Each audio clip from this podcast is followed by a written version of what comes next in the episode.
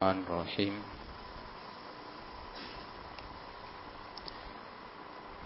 إن الحمد لله نحمده ونستعينه ونستغفره ونعوذ بالله من شرور أنفسنا ومن سيئات أعمالنا. من يهده الله فلا مضل له ومن يضلل فلا هادي له. أشهد أن لا إله إلا الله وحده لا شريك له وأشهد أن محمدا عبده ورسوله. يا أيها الذين آمنوا اتقوا الله حق تقاته ولا تموتن إلا وأنتم مسلمون يا أيها الناس اتقوا ربكم الذي خلقكم من نفس واحدة وخلق منها زوجها وبث منهما رجالا كثيرا ونساء واتقوا الله الذي تساءلون به والأرحام. إن الله كان عليكم رقيبا. يا أيها الذين آمنوا اتقوا الله وقولوا قولا سديدا. يصلح لكم أعمالكم ويغفر لكم ذنوبكم. ومن يطع الله ورسوله فقد فاز فوزا عظيما. أما بعد. فإن أصدق الحديث كتاب الله وخير الهدي هدي محمد صلى الله عليه وآله وسلم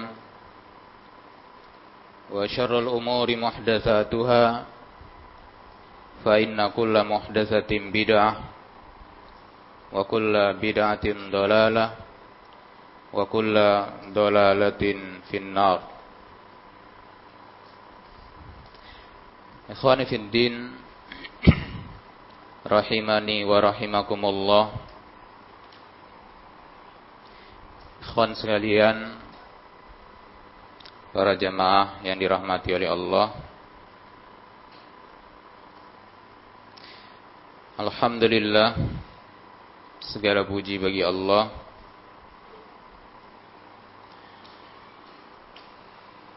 Kita masih diberikan berbagai macam nikmat dan karunia oleh Allah Subhanahu wa taala di antara nikmat yang Allah berikan kepada kita adalah nikmat kesempatan dan kesehatan. Alhamdulillah di malam hari ini dengan nikmat tersebut kita kembali dapat bertemu insyaallah untuk terus mengkaji apa yang telah diajarkan dalam agama kita di dalam Al-Qur'an dan sunnah Nabi Muhammad sallallahu alaihi wa alihi wasallam. Ikhwani fid din rahimani wa rahimakumullah. Pada malam hari ini kita akan membahas masih mengenai tentang zikir.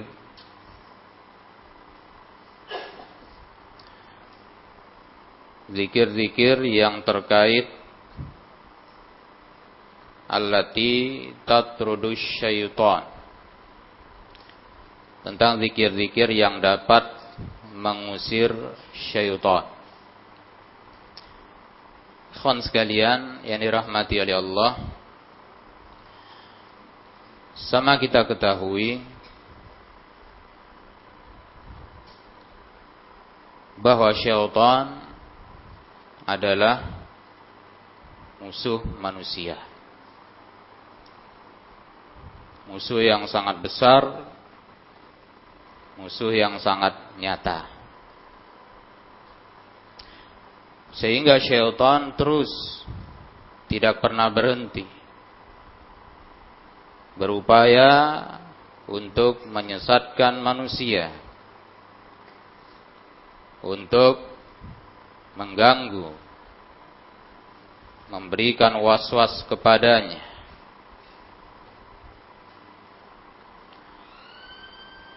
maka tentunya jemaah yang dimuliakan oleh Allah Subhanahu wa taala setiap kita pasti ingin selamat terjaga dari berbagai macam gangguan-gangguan dan tipu daya-tipu daya was-was dari syaitan. Karena jemaah yang dimuliakan oleh Allah Bila mana syaitan Sudah leluasa Menguasai diri kita Mengganggu kita Maka tentu akan sangat berdampak pada kehidupan kita sehari-hari Yang pasti Kita akan semakin jauh dari Allah Subhanahu wa taala. Pandangan kita terhadap kehidupan dunia ini pun menjadi berbeda. Pandangan kita bukan lagi amal ibadah untuk akhirat, tapi pandangan kita hanya dunia.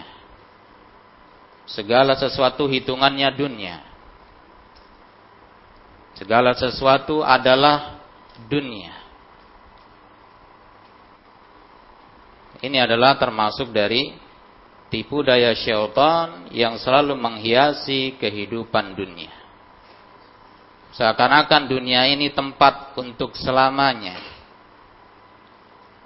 Seakan-akan dunia inilah sesuatu yang sangat menguntungkan.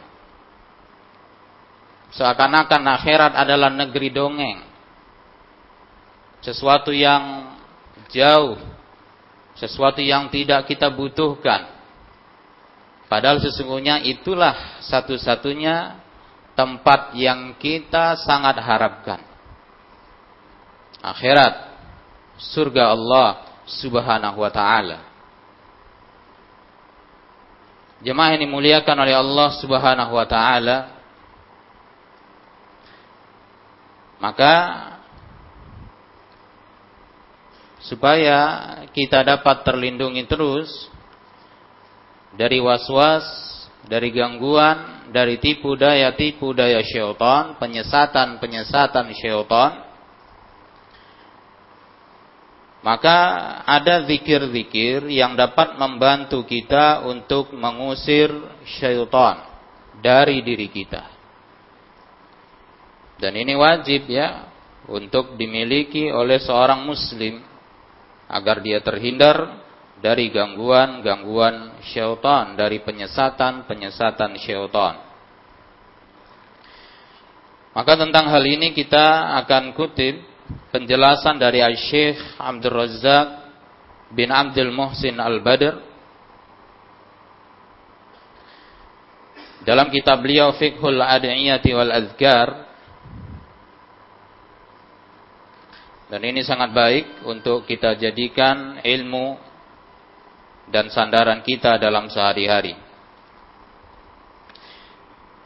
Beliau menjelaskan, kata beliau bahwa banyak nas-nas di dalam Al-Quran, di dalam As-Sunnah, yang menjelaskan tentang zikir-zikir yang barokah, doa-doa yang bermanfaat, yang dapat menolak syaitan, dan menjauhkan seorang hamba darinya, dari gangguannya.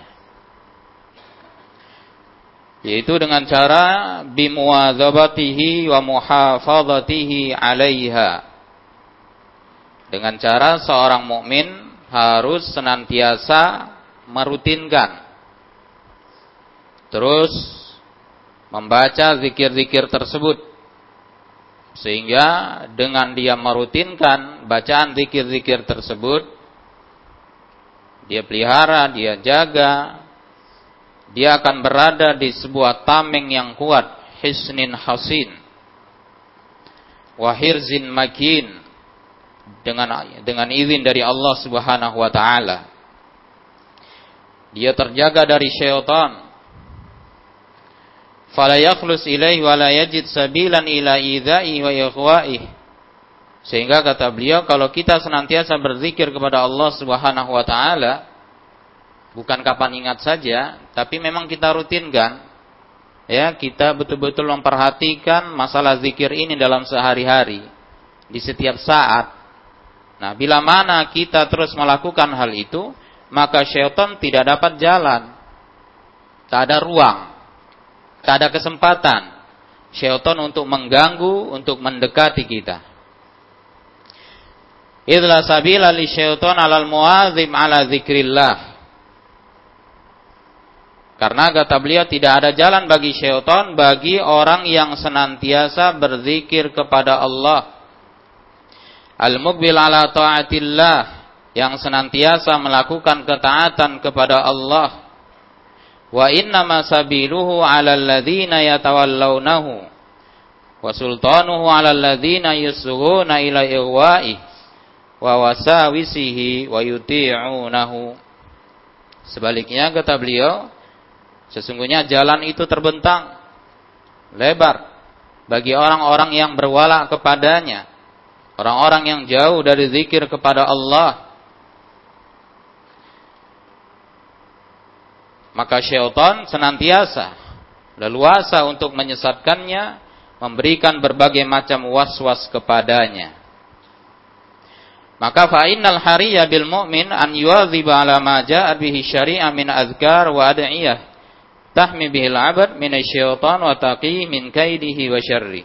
Sehingga kata Syekh sangat layak bagi seorang mukmin untuk merutinkan membaca zikir-zikir, doa-doa yang dapat melindungi dirinya dari syaitan, menjaga dirinya dari tipu daya dan keburukan-keburukan kejahatan syaitan. Kata beliau Allah Subhanahu wa taala berfirman Kita lihat dalam surah Al-Mu'minun di ayat 97, 98, 97 dan 98. Kata Allah Subhanahu wa taala wa qur rabbi a'udzubika min hamazati syayatin wa a'udzubika rabbi an yahdurun. Kata Allah katakanlah wahai Rabbku aku berlindung kepadamu dari bisikan-bisikan syaitan. Dan aku berlindung kepadamu, wahai Rabbku, dari kedatangan mereka kepadaku. Juga dalam surah Fussilat, di ayat 36 Allah mengatakan, Wa imma yanzaghannaka minasyaitani nazghun fasta'iz billah innahu huwas samiul alim. Jika engkau mendapat gangguan dari syaitan dengan sebuah gangguan, maka kata Allah, mintalah perlindungan kepada Allah, sesungguhnya Allah Maha mendengar lagi Maha mengetahui. Sehingga jemaah yang dimuliakan oleh Allah, minta perlindungan kepada Allah Subhanahu wa taala, inilah sebab keselamatan. Inilah yang dapat menyelamatkan kita dari gangguan gangguan syaitan dari bisikan-bisikan syaitan.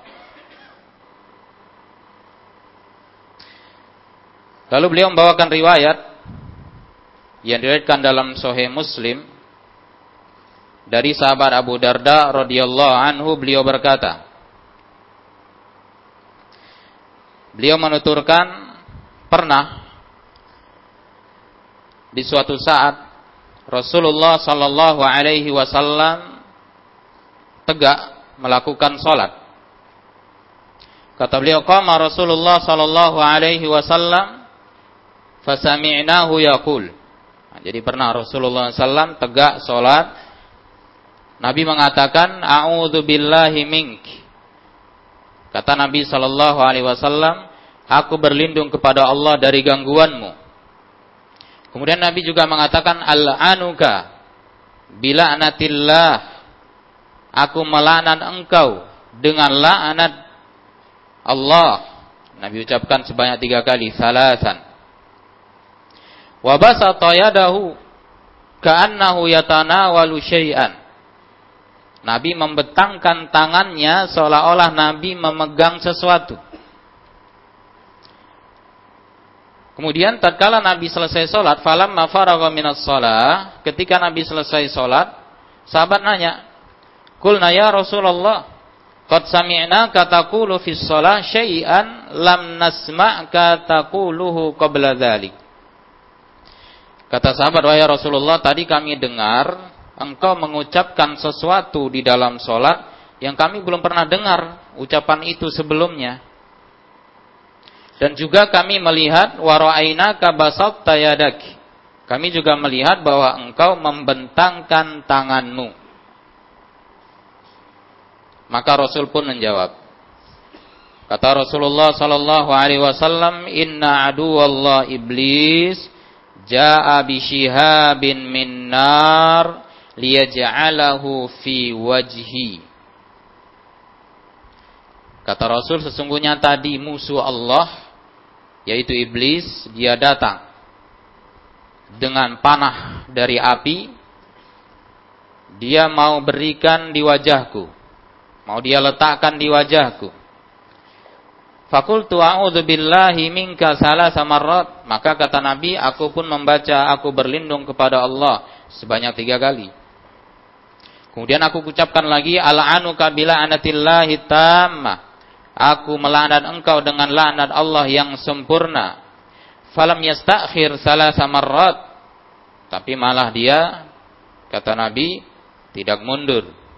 Kemudian aku ingin mencekiknya. Suma aradtu akhzah Wallahi demi Allah, laula da'watu akhina Sulaiman kalau bukan karena doanya saudara kita Sulaiman yakni Nabi Sulaiman sungguh kata Nabi la asbaha musaqan yal'abu bihi wildan wa ahlil Madinah.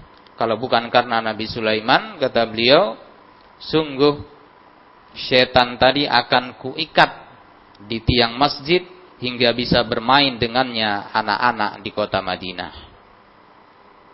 Nah, jadi pernah ya Nabi Shallallahu Alaihi Wasallam juga diganggu ya oleh syaitan ketika sedang sholat.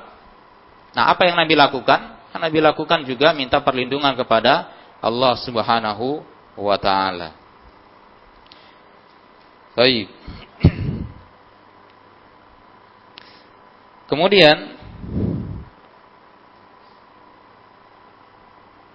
Sahabat juga pernah mengalami hal yang serupa. Diriwayatkan juga dari Utsman ibnu Abil As As-Saqafi radhiyallahu anhu, annahu atan Nabiya sallallahu alaihi wasallam, bahwasanya beliau datang kepada Nabi sallallahu alaihi wasallam.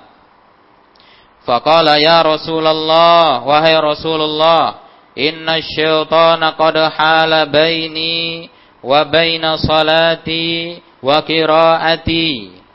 Sesungguhnya syaitan telah menghalangi antara diriku dan antara salatku dan bacaan salatku. Yalbisuha alayya. Syaitan membuat aku ragu-ragu di dalam salatku. Nah tentu ini jemaah yang dimuliakan oleh Allah. Bukan sahabat ini saja ya yang mengalami hal yang serupa. Kita juga sering mengalami hal yang serupa. Sering dalam sholat, ya kita sholat, tapi kita tidak merasakan khusyuk sholat kita. Itu sholat, pikiran malah di luar sholat. Ya, nah itu karena memang syaitan yang mengganggu. Syaitan menghalangi antara diri kita dengan sholat yang kita lakukan bahkan dengan bacaan yang sedang kita baca. Sehingga sering kita sholat tapi nggak baca. Malah melamun. Malah mengingat sesuatu. Maka sering ya kita merasakan kita ingat sesuatu di dalam sholat yang mana di luar sholat kita nggak ingat. Pas sholat bisanya ingat. Di luar sholat kita nggak ingat itu. Pas di saat sholat kita ingat. Kerjaan siapa ini? syaitan. Ya. Syaitan yang mengganggu. Nah, Taib sehingga nampak dalam sholat kita nggak khusyuk, ya, tidak fokus, tidak tenang, gelisah. Apalagi kalau bacaan imamnya panjang, kita tambah gelisah. Nah ini gangguan dari syaitan. Nah ini dialami oleh sahabat ini. Apa kata Nabi? Faqala Rasulullah sallallahu alaihi wasallam kata Rasulullah sallallahu alaihi wasallam Dzaka syaitan yuqalu lahu khinzab. Kata Nabi itu syaitan. Dia disebut dengan nama khinzab. Ya nama setannya yang ganggu sholat itu namanya khinzab. Ya namanya khinzab. Pakai zai. Nah, namanya khinzab kata Nabi. Faida ahastahu Lalu Nabi katakan, kalau engkau merasakan gangguannya, maka apa yang harus dilakukan? Kata Nabi, fata'awaz billahi minhu. Maka engkau minta perlindungan kepada Allah dari gangguannya. Seperti yang dilakukan Nabi tadi. A'udzubillahi mink. Aku berlindung kepada Allah dari gangguanmu. Nah, baca itu. Lalu kata Nabi, setelah membaca, meminta perlindungan kepada Allah, apalagi lakukan kata Nabi watful ala yasarika salasan. Lalu kata Nabi meludahlah ke sebelah kirimu sebanyak tiga kali. Di sini meludah dengan bah dengan kata at-tafl. Watful ya. Meludah di sini bukan Ya kalau diterjemah ke bahasa kita memang meludah ya. Tapi meludahnya di sini at-tafel itu sedikit air liurnya lebih banyak anginnya. Jadi meludahnya itu sedikit air liurnya sedikit aja. Ya. Kemudian lebih banyak anginnya. Nah.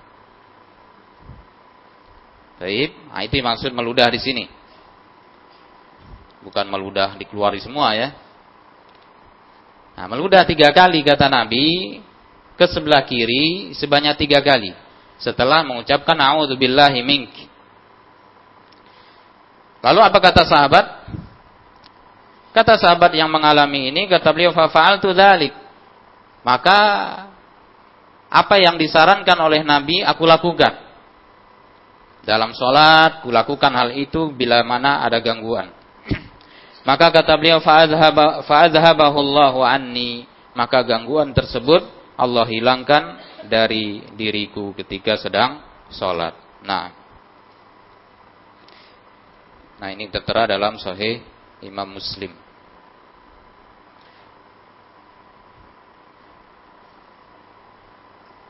Lalu kata beliau, dan di dalam Sahihain dari Abi Hurairah radhiyallahu anhu Beliau berkata, Rasulullah Shallallahu Alaihi Wasallam pernah bersabda, Ya ti syaitan ahadakum fayakul. Kata Nabi syaitan datang kepada salah seorang kalian, ya, sehingga syaitan itu berkata, syaitan memberikan pertanyaan dalam pikiran kita. Ya, syaitan mengatakan man khalaqa kada, man khalaqa kada hatta yaqul man khalaqa rabbak. Syaitan buat pertanyaan di benak kita, di pikiran kita. Coba kamu pikirkan, siapa yang menciptakan ini? Siapa yang menciptakan ini? Ya, yang menciptakan langit siapa? Allah. Yang menciptakan kamu siapa? Allah. Hingga akhirnya digiring oleh syaitan untuk bertanya, kalau begitu yang menciptakan Allah siapa? Man khalaqa rabbak. Nah ini gangguan dari syaitan. Kadang-kadang terpikir ya. Tapi jangan. Jangan diteruskan pikiran itu. Ya. Itu ibaratnya kita paksakan sesuatu di luar kapasitasnya. Ya. harusnya ini bebannya satu ton, kita paksakan jadi tiga ton, jadi empat ton. Maka ujung-ujungnya macam mana kalau kita maksakan sesuatu rusak. Pikiran kita nggak ada kapasitasnya ke situ. Diberikan oleh Allah Subhanahu wa taala. Terus mikir itu, mikir itu gimana ya? Ya, siapa yang menciptakan?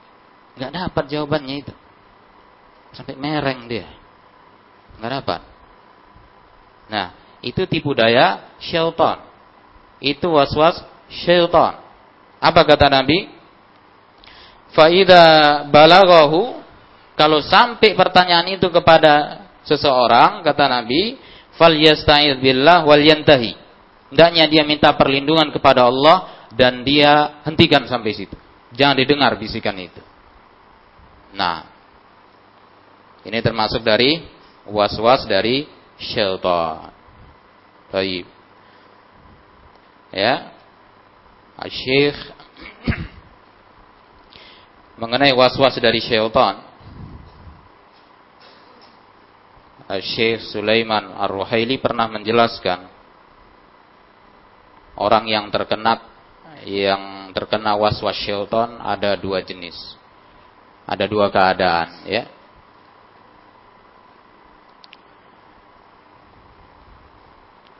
Keadaan pertama, dia kena was-was syaitan, tapi dia masih bisa menguasai dirinya. Artinya dia masih lebih menang. Memang waswas itu datang. Tapi dia bisa ya baik lebih menguasai dirinya. Maka tipe yang pertama ini obatnya adalah untuk menghilangkan was-was dari dirinya yaitu dengan banyak berzikir kepada Allah ya membaca doa, zikir, baca Quran, ya membaca hadis-hadis Nabi sallallahu alaihi wa alihi wasallam. Maka ini mujarab ya, bisa menghilangkan was-was syaitan yang datang kepada dirinya. Karena kalau nggak ditepis seperti itu, ini nanti bisa akhirnya menguasai dirinya, masuk kepada jenis yang kedua, was-was syaitan. Ya, jenis yang kedua yaitu was-was yang sampai pada posisi, pada keadaan seseorang dikuasai oleh syaitan. Itulah kadang kita dapati ada orang beruduk sampai berkali-kali. Merasa nggak sah kayaknya ini uduknya. Ulang lagi ya mau sholat nggak jadi-jadi. Kayak kurang pas kayaknya. Ya entah niatnya entah apanya mau takbir aja payah kali. Nggak jadi-jadi. Ya nah ini dia sudah dikuasai oleh syaitan. Maka orang yang sudah dikuasai oleh was-was syaitan tadi sudah nggak mampu menguasai dirinya, taib, maka Solusi untuk orang seperti ini kata Syekh adalah enggak mempan dengan perkara-perkara tadi. Yani baca Quran, baca hadis, zikir enggak mempan. Kenapa? Karena gitu dia baca Quran, datang was-was lagi. Kayaknya enggak betul bacaanku. Akhirnya enggak jadi baca Quran. Enggak siap-siap itu baca ah, surat pendek saja. Ya, zikir gitu juga. Akhirnya enggak Baik, tidak bermanfaat baginya ya. Dalam kasus dia keadaannya seperti itu. Tapi kata beliau, solusi untuk orang yang seperti itu adalah al-i'radut tam, berpaling secara sempurna. Apa artinya jamaah ini akan oleh Allah? Berpaling secara sempurna artinya kita anggap bisikan-bisikan syaitan tadi kita anggap seperti orang gila. Kayak mana kita sama orang gila? Apa kita ladeni? Kan enggak. Ya kan? Tiap ada orang gila diladeni. Sama lah gilanya. Ya. Baik, maka jadikan seperti itu kata Syekh. Bisikan-bisikan syaitan itu anggap tuh orang gila itu. Gak usah didengar. Udah lanjut aja. Lakukan seperti apa yang dilakukan oleh kebanyakan orang. Dia beruduk, Udah selesai kita wudhu, datang waswas syaitan, udah tinggalkan, ah gila kau udah. Aku udah siap kok beruduk. Nah, gitu ya. Gitu juga sholat, gitu juga pas baca Quran, nah, gila ya kau. Lanjut. Nah, Taib, pas baca Quran datang waswas syaitan. Maka jangan ditinggalkan. Jangan dihentikan baca Quran karena waswas dari syaitan. Tapi kalau kamu hentikan bacaan Quran karena memang sudah capek, mau istirahat, nggak masalah. Karena memang kamu ya, tapi bukan karena was-was dari syaitan. Nah, nah jadi itu dia solusi oleh yang dijelaskan oleh Syekh Sulaiman Ar-Ruhaili. Nah, karena ini penyakit ya kalau nggak ditepis. Memang ada Nabi SAW pernah mengatakan bahwa itu mahdul iman. Artinya ketika seseorang e, tertimpa dengan was-was dari syaitan, itu memang menunjukkan kemajuan imannya, betul.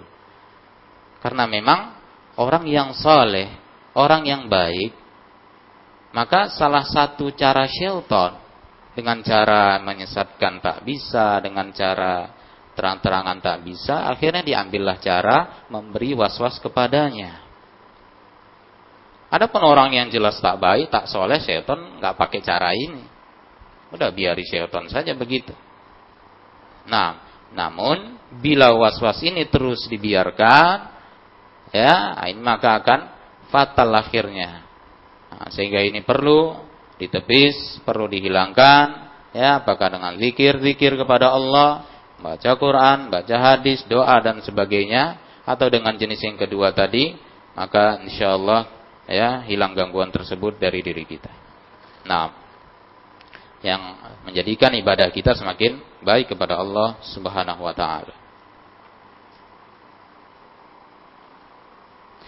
Maka kata Syekh, "Fahadhihi nusus zahirah ad-dilalah ala 'idham sya'nil isti'adah."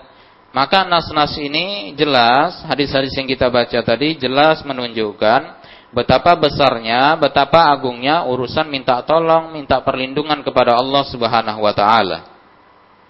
Wa annaha tatrudu syaitan, bahwasanya isti'adzah tadi dapat mengusir syaitan. Wa taqil 'abda minhu, dapat melindungi seorang hamba dari syaitan. Wa yaslim biha min kaidihi dan dia dapat selamat dari tipu daya syaitan dan dari waswas syaitan dan dari kejahatan-kejahatan syaitan. Lalu kata Syekh Abdul Razak,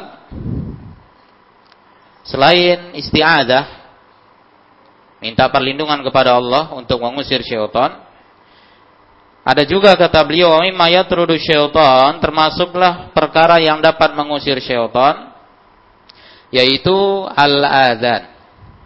Ya, adzan. Itu bisa mengusir syaitan. Fa inna syaitana idza sami'ahu walla wa adbara Sesungguhnya syaitan kalau dengar azan dia akan lari dengan secepat-cepatnya. Bahasa kita terbirit-birit ya. Lari terbirit-birit dia. Disebutkan dalam Sahihain dari Abi Hurairah radhiyallahu anhu beliau berkata, Qala Rasulullah sallallahu alaihi wasallam telah bersabda Rasulullah sallallahu alaihi wasallam Kata Rasul idza nudiya lis salati adbaru syaitan walahu durat hatta la yasma' at-ta'zin wa idza qudiya nida akbal hatta idza suwiba bis salati adbar hatta idza qudiya taswibu akbal. Kata Nabi sallallahu alaihi wasallam apabila dikumandangkan azan untuk salat ada baru syaitan syaitan lari. Walahu durat dan dia ya mengeluarkan durat durat terjemahnya kentut keluar angin dia. Dia lari sambil terkentut-kentut. Ada yang menjelaskan maksudnya apa ini? Setan lari sambil kentut-kentut. Mengarahkan. Ada yang mengatakan sengaja dikeluarkannya kentutnya untuk menyamarkan suara azan tadi. Ya. Eh, dalam proses dia menjauh dari azan itu lari. Ada juga yang menjelaskan ya secara zahir di sini kita lihat memang dia terkentut-kentut saking takutnya. Ya, saking takutnya dia lari dengan secepatnya sambil mengeluarkan angin. Hatta la ta'zin. Dia lari sejauh-jauhnya sampai dia nggak dengar azan. Fa idza nida gitu selesai azan akbal datang lagi. Syaitan ya. Tak ada kata menyerah dalam kamus syaitan. Datang lagi. Ya, kalau kita udah kena sekali takut, wah mikir ya mau balik lagi. Syaitan balik lagi. Hatta idza thuwiba bis shalah adbar. Gitu orang komat lari lagi. Komat orang lari lagi. Taib, selesai komat, datang lagi. Hatta idza qudiyat taswib akbal. Gitu selesai komat datang dia lagi. Kerjalah dia lagi. Allah orang sholat Allahu Akbar bah masuklah dia. Eh fulan enggak ingat. Ya. Ingat ini enggak? Ingat itu enggak? Terus disuruh ingat ini, ingat itu, ingat ini, ingat itu, maka itulah kejadiannya. Dalam sholat kita bisa ingat sesuatu yang kita nggak ingat di luar sholat. Nah, jadi kalau Nam, kamu mengalami hal seperti itu, kita mengalami hal seperti itu, baik, berarti itu dari syaitan. Tapi jangan dianggap wah pahat ya. Kalau lupa, sholatlah biar ingat. Baik. Nah, itu dari syaitan. Nah, ya. Dari satu sisi memang kita ingat sesuatu, Padahal sesuatu yang perkara kecil. Tapi rusak e, sholat kita jadi ru, rusak. Akhirnya apa kata Nabi? Gitu syaitan mengingatkan. Kamu ingat ini, kamu ingat itu, kamu ingat ini dan itu. Akhirnya kata Nabi, lupa. Ada berapa rakaat sholatnya. Ya, tak tahu udah berapa rakaat sholatnya. Lupa. Nah. Nah inilah gangguan dari syaitan dalam sholat malam tak baca. Ya, kalau tidak baca, habis itu lupa lagi dari berapa rakaat sholatnya. Baik, hari-hari seperti itu sholatnya. Gimana mau jadi orang benar? Nauzubillah min zalik. Ya, terus bilang, ya, sholat itu mencegah dari perkara keji dan mungkar. Tapi kok nggak berasa sama aku? Hidupku kayaknya kok gini-gini aja. Iya, masalahnya bukan sholatnya itu. Masalahnya kamu yang belum benar sholatnya. Sehingga itu nggak mempengaruhi kehidupan sehari-hari. Ya. Baik. Banyak orang sholat. Tapi malah ya masih banyak melakukan perkara keji dan mungkar. Baik. Itu tipu daya dari syaitan.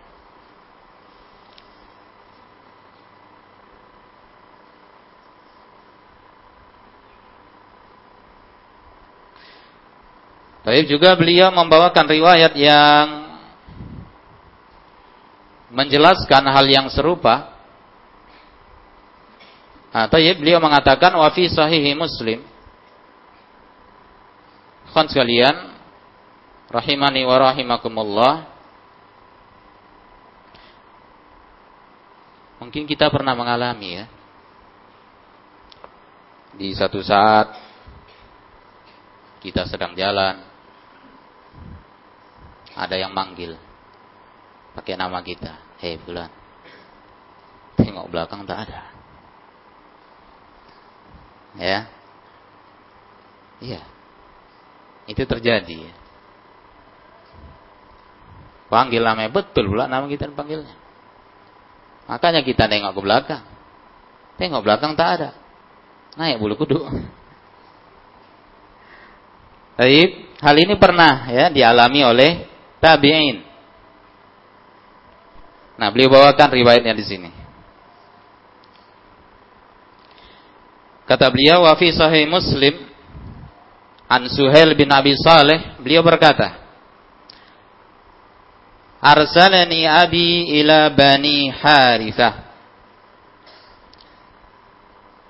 Kata Suhail bin Abi Saleh, aku diutus ayahku kepada Bani Harithah. Jadi beliau disuruh pergi ke Bani Harithah oleh ayahnya. Beliau perginya enggak sendiri, berdua. Kata beliau, "Wa ma'i gulamun lana aw sahibun lana." Bersamaku ada seorang gulam milik kami atau teman milik kami. Nah, jadi sama teman lah ya intinya berdua. Lalu kata beliau, "Fanadahu munadin min ha'itin bismi." Lalu ada suara yang manggil temanku itu dari balik dinding nyebut nama dia. Bismi. Ya, dipanggil namanya. Lalu kata beliau qala wa asyrafal ladzi ma'i 'alal haid falam yara syai'an. Dan orang atau teman yang bersamaku tadi pun menoleh ke belakang ke balik dinding, rupanya tak ada orang. Falam yara syai'an, enggak lihat sesuatu. Ya. Fadzakartu dzalika li abi. Maka gitu kami pulang, kuceritakan hal itu kepada ayahku. Faqala maka ayahku berkata, kata ayahnya lau sya'urtu annaka talqa hadza lam ursilka.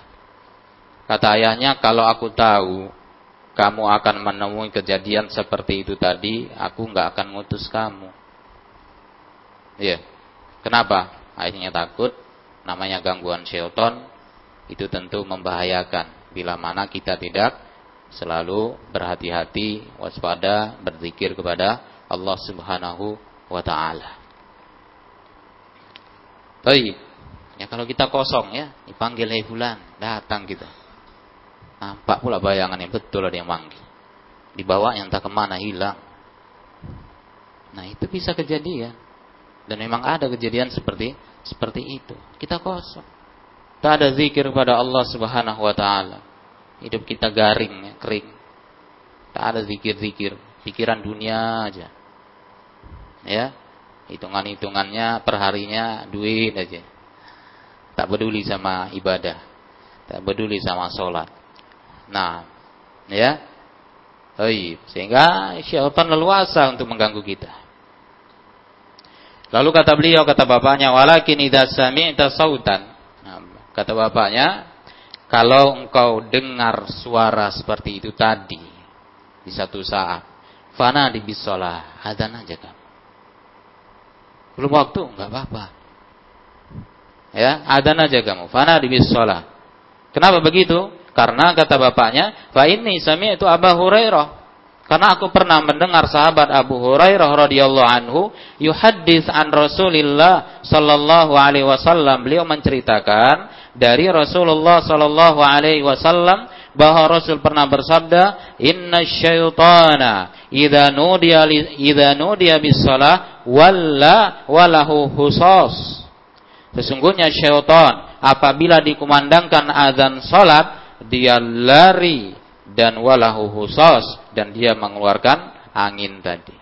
Husos ay ad-durat.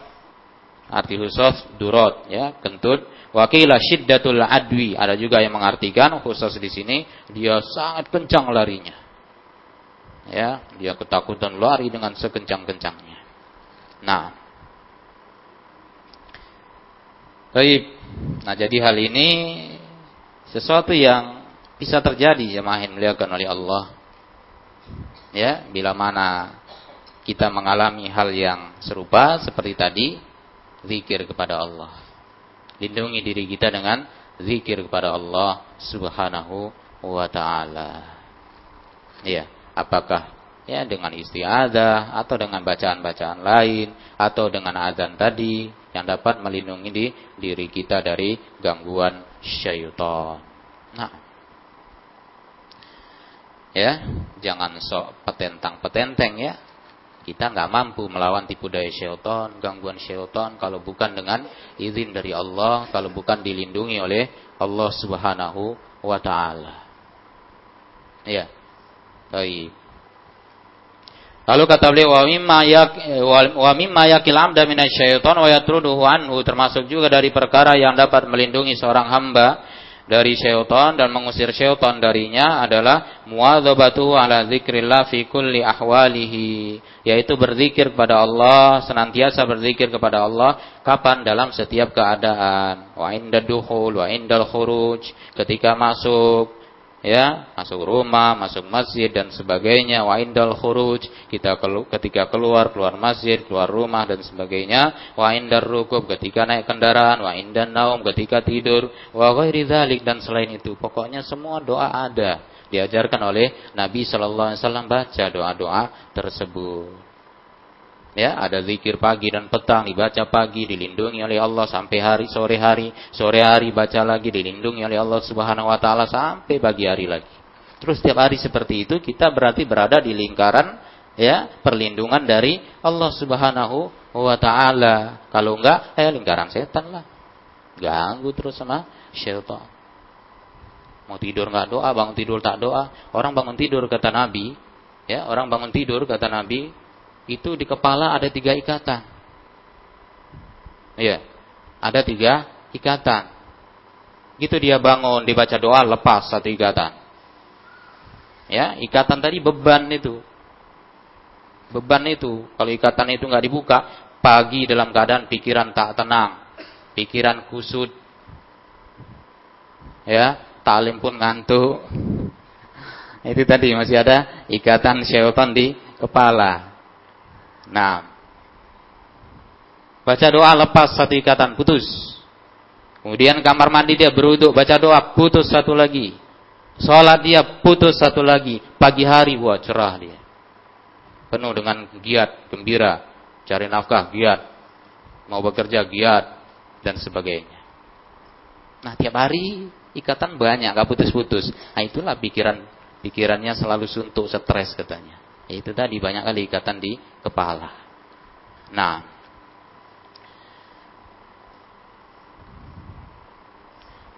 lalu kata Syekh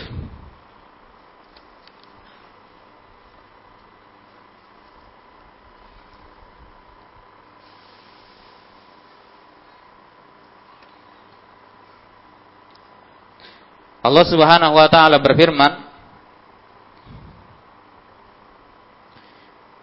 Di dalam surah Al-A'raf di ayat 201 kata Allah innal ladzina taqaw idza massahum ta'ifun minasyaiton tadzakkaru fa idahum mubsirun. Kata Allah sesungguhnya orang-orang yang bertakwa jika dia e, tertimpa oleh was-was dari syaitan, dia langsung mengingat Allah.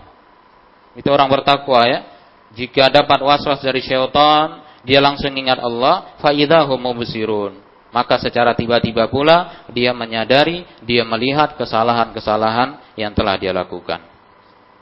Juga Allah Subhanahu wa taala berfirman di dalam surah Zukhruf ayat 36, kata Allah Subhanahu wa taala, "Wa may ya'shu 'an dzikrir rahman nuqayyid lahu syaitanan fahuwa lahu qarin." Dan barang siapa yang berpaling dari mengingat Allah, mengingat Ar-Rahman, maka kami akan adakan untuknya syaitan, maka syaitan itu akan terus mengiringinya menjadi korin baginya. Syaitan itu terus mengiringi dia. Ya, berupaya untuk mengganggunya, menyesatkannya. Baik.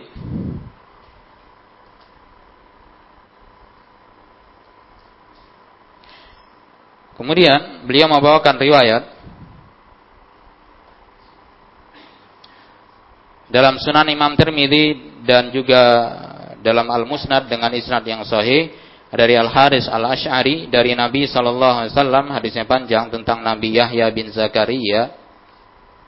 Tentang wasiat beliau lima wasiat beliau kita singkat.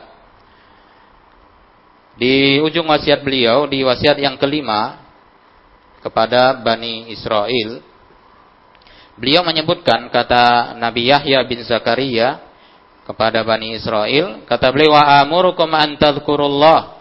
Aku perintahkan kalian untuk selalu zikir kepada Allah.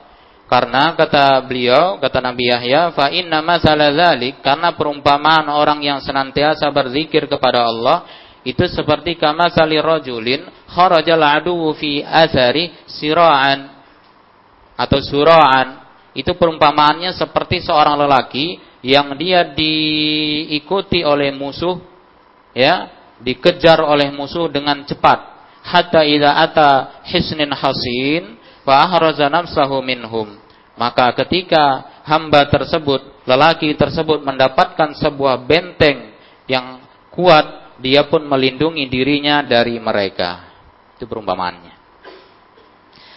Kadzalikal abdu, maka demikianlah seorang hamba la yahrizu nafsahu minasyaiton illa bidzikrillah. Seorang hamba enggak bisa melindungi dirinya dari gangguan syaitan kecuali dengan zikir kepada Allah Subhanahu wa taala. Hanya zikir kepada Allah yang dapat melindungi kita dari tipu daya dari gangguan-gangguan syaitan. Nah, selain itu enggak ada. Ya, dengan ilmu-ilmu. Itu setan sama setan lah berarti. Tinggal mana yang lebih kuat aja ilmunya. Dan itu tidak diizinkan dalam agama. Ya. Tapi itu perbuatan syirik. Nah, maka hanya zikir yang dapat melindungi kita dari gangguan-gangguan syaitan. Kemudian di dalam Sahih Muslim dari sahabat Jabir radhiyallahu anhu dari Nabi Shallallahu alaihi wasallam Nabi pernah bersabda.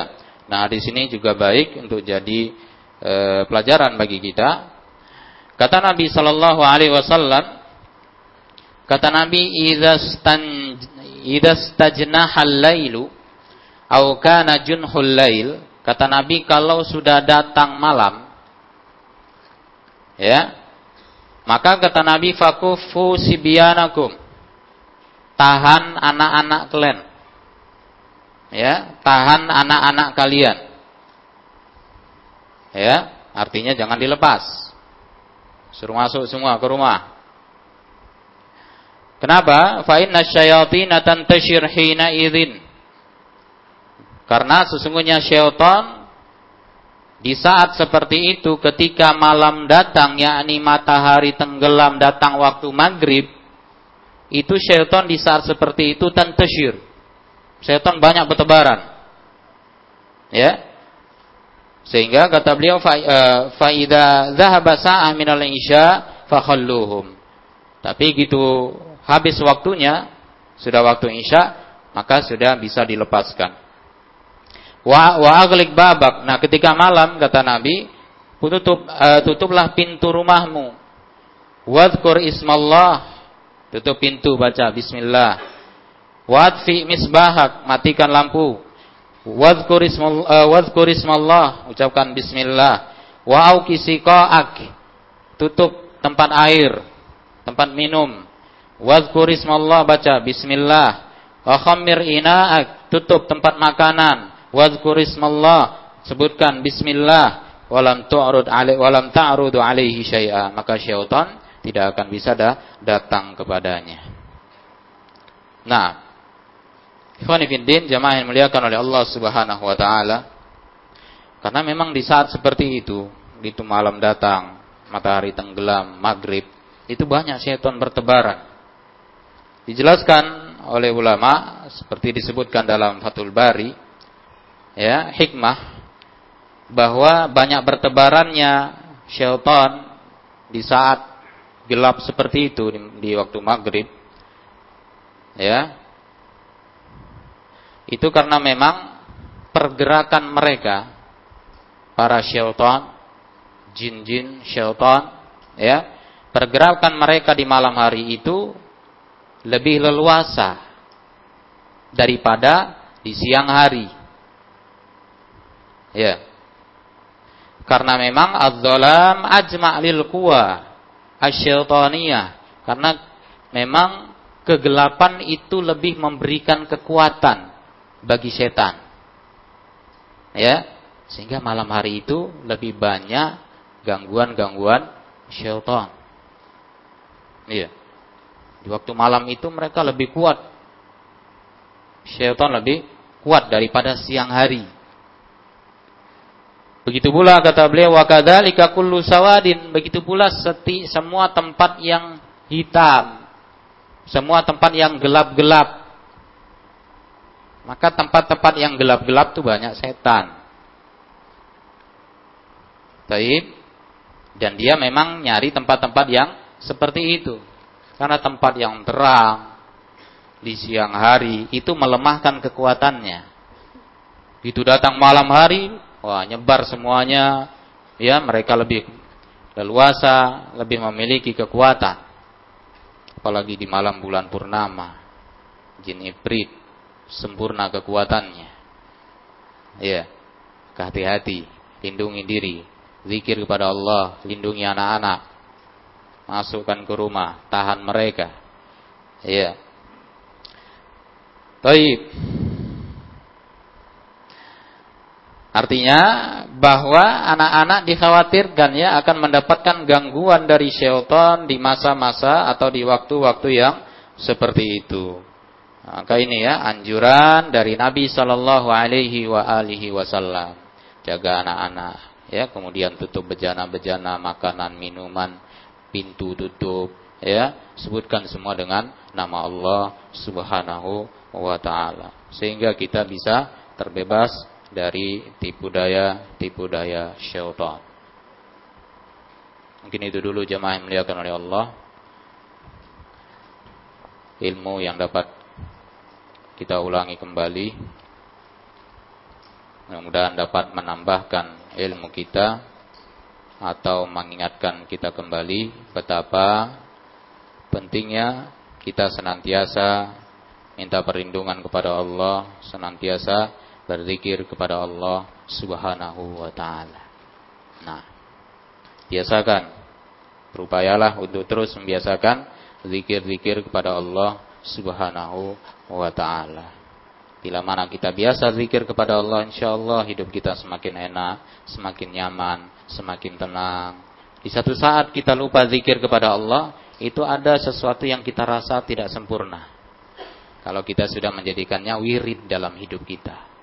Misal zikir pagi petang. Udah biasa zikir pagi petang. Ada satu saat kelewatan. Maka ada sesuatu yang kita pikir kok tak sempurna rasanya. Ya, rupanya lupa.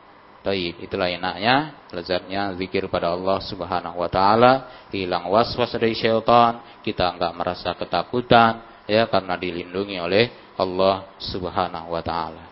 Demikian Allah alam bisawab. Subhanakallahumma bihamdik. An la ilaha anta astaghfiruka wa atubu ilaik. Alhamdulillah rabbil alamin.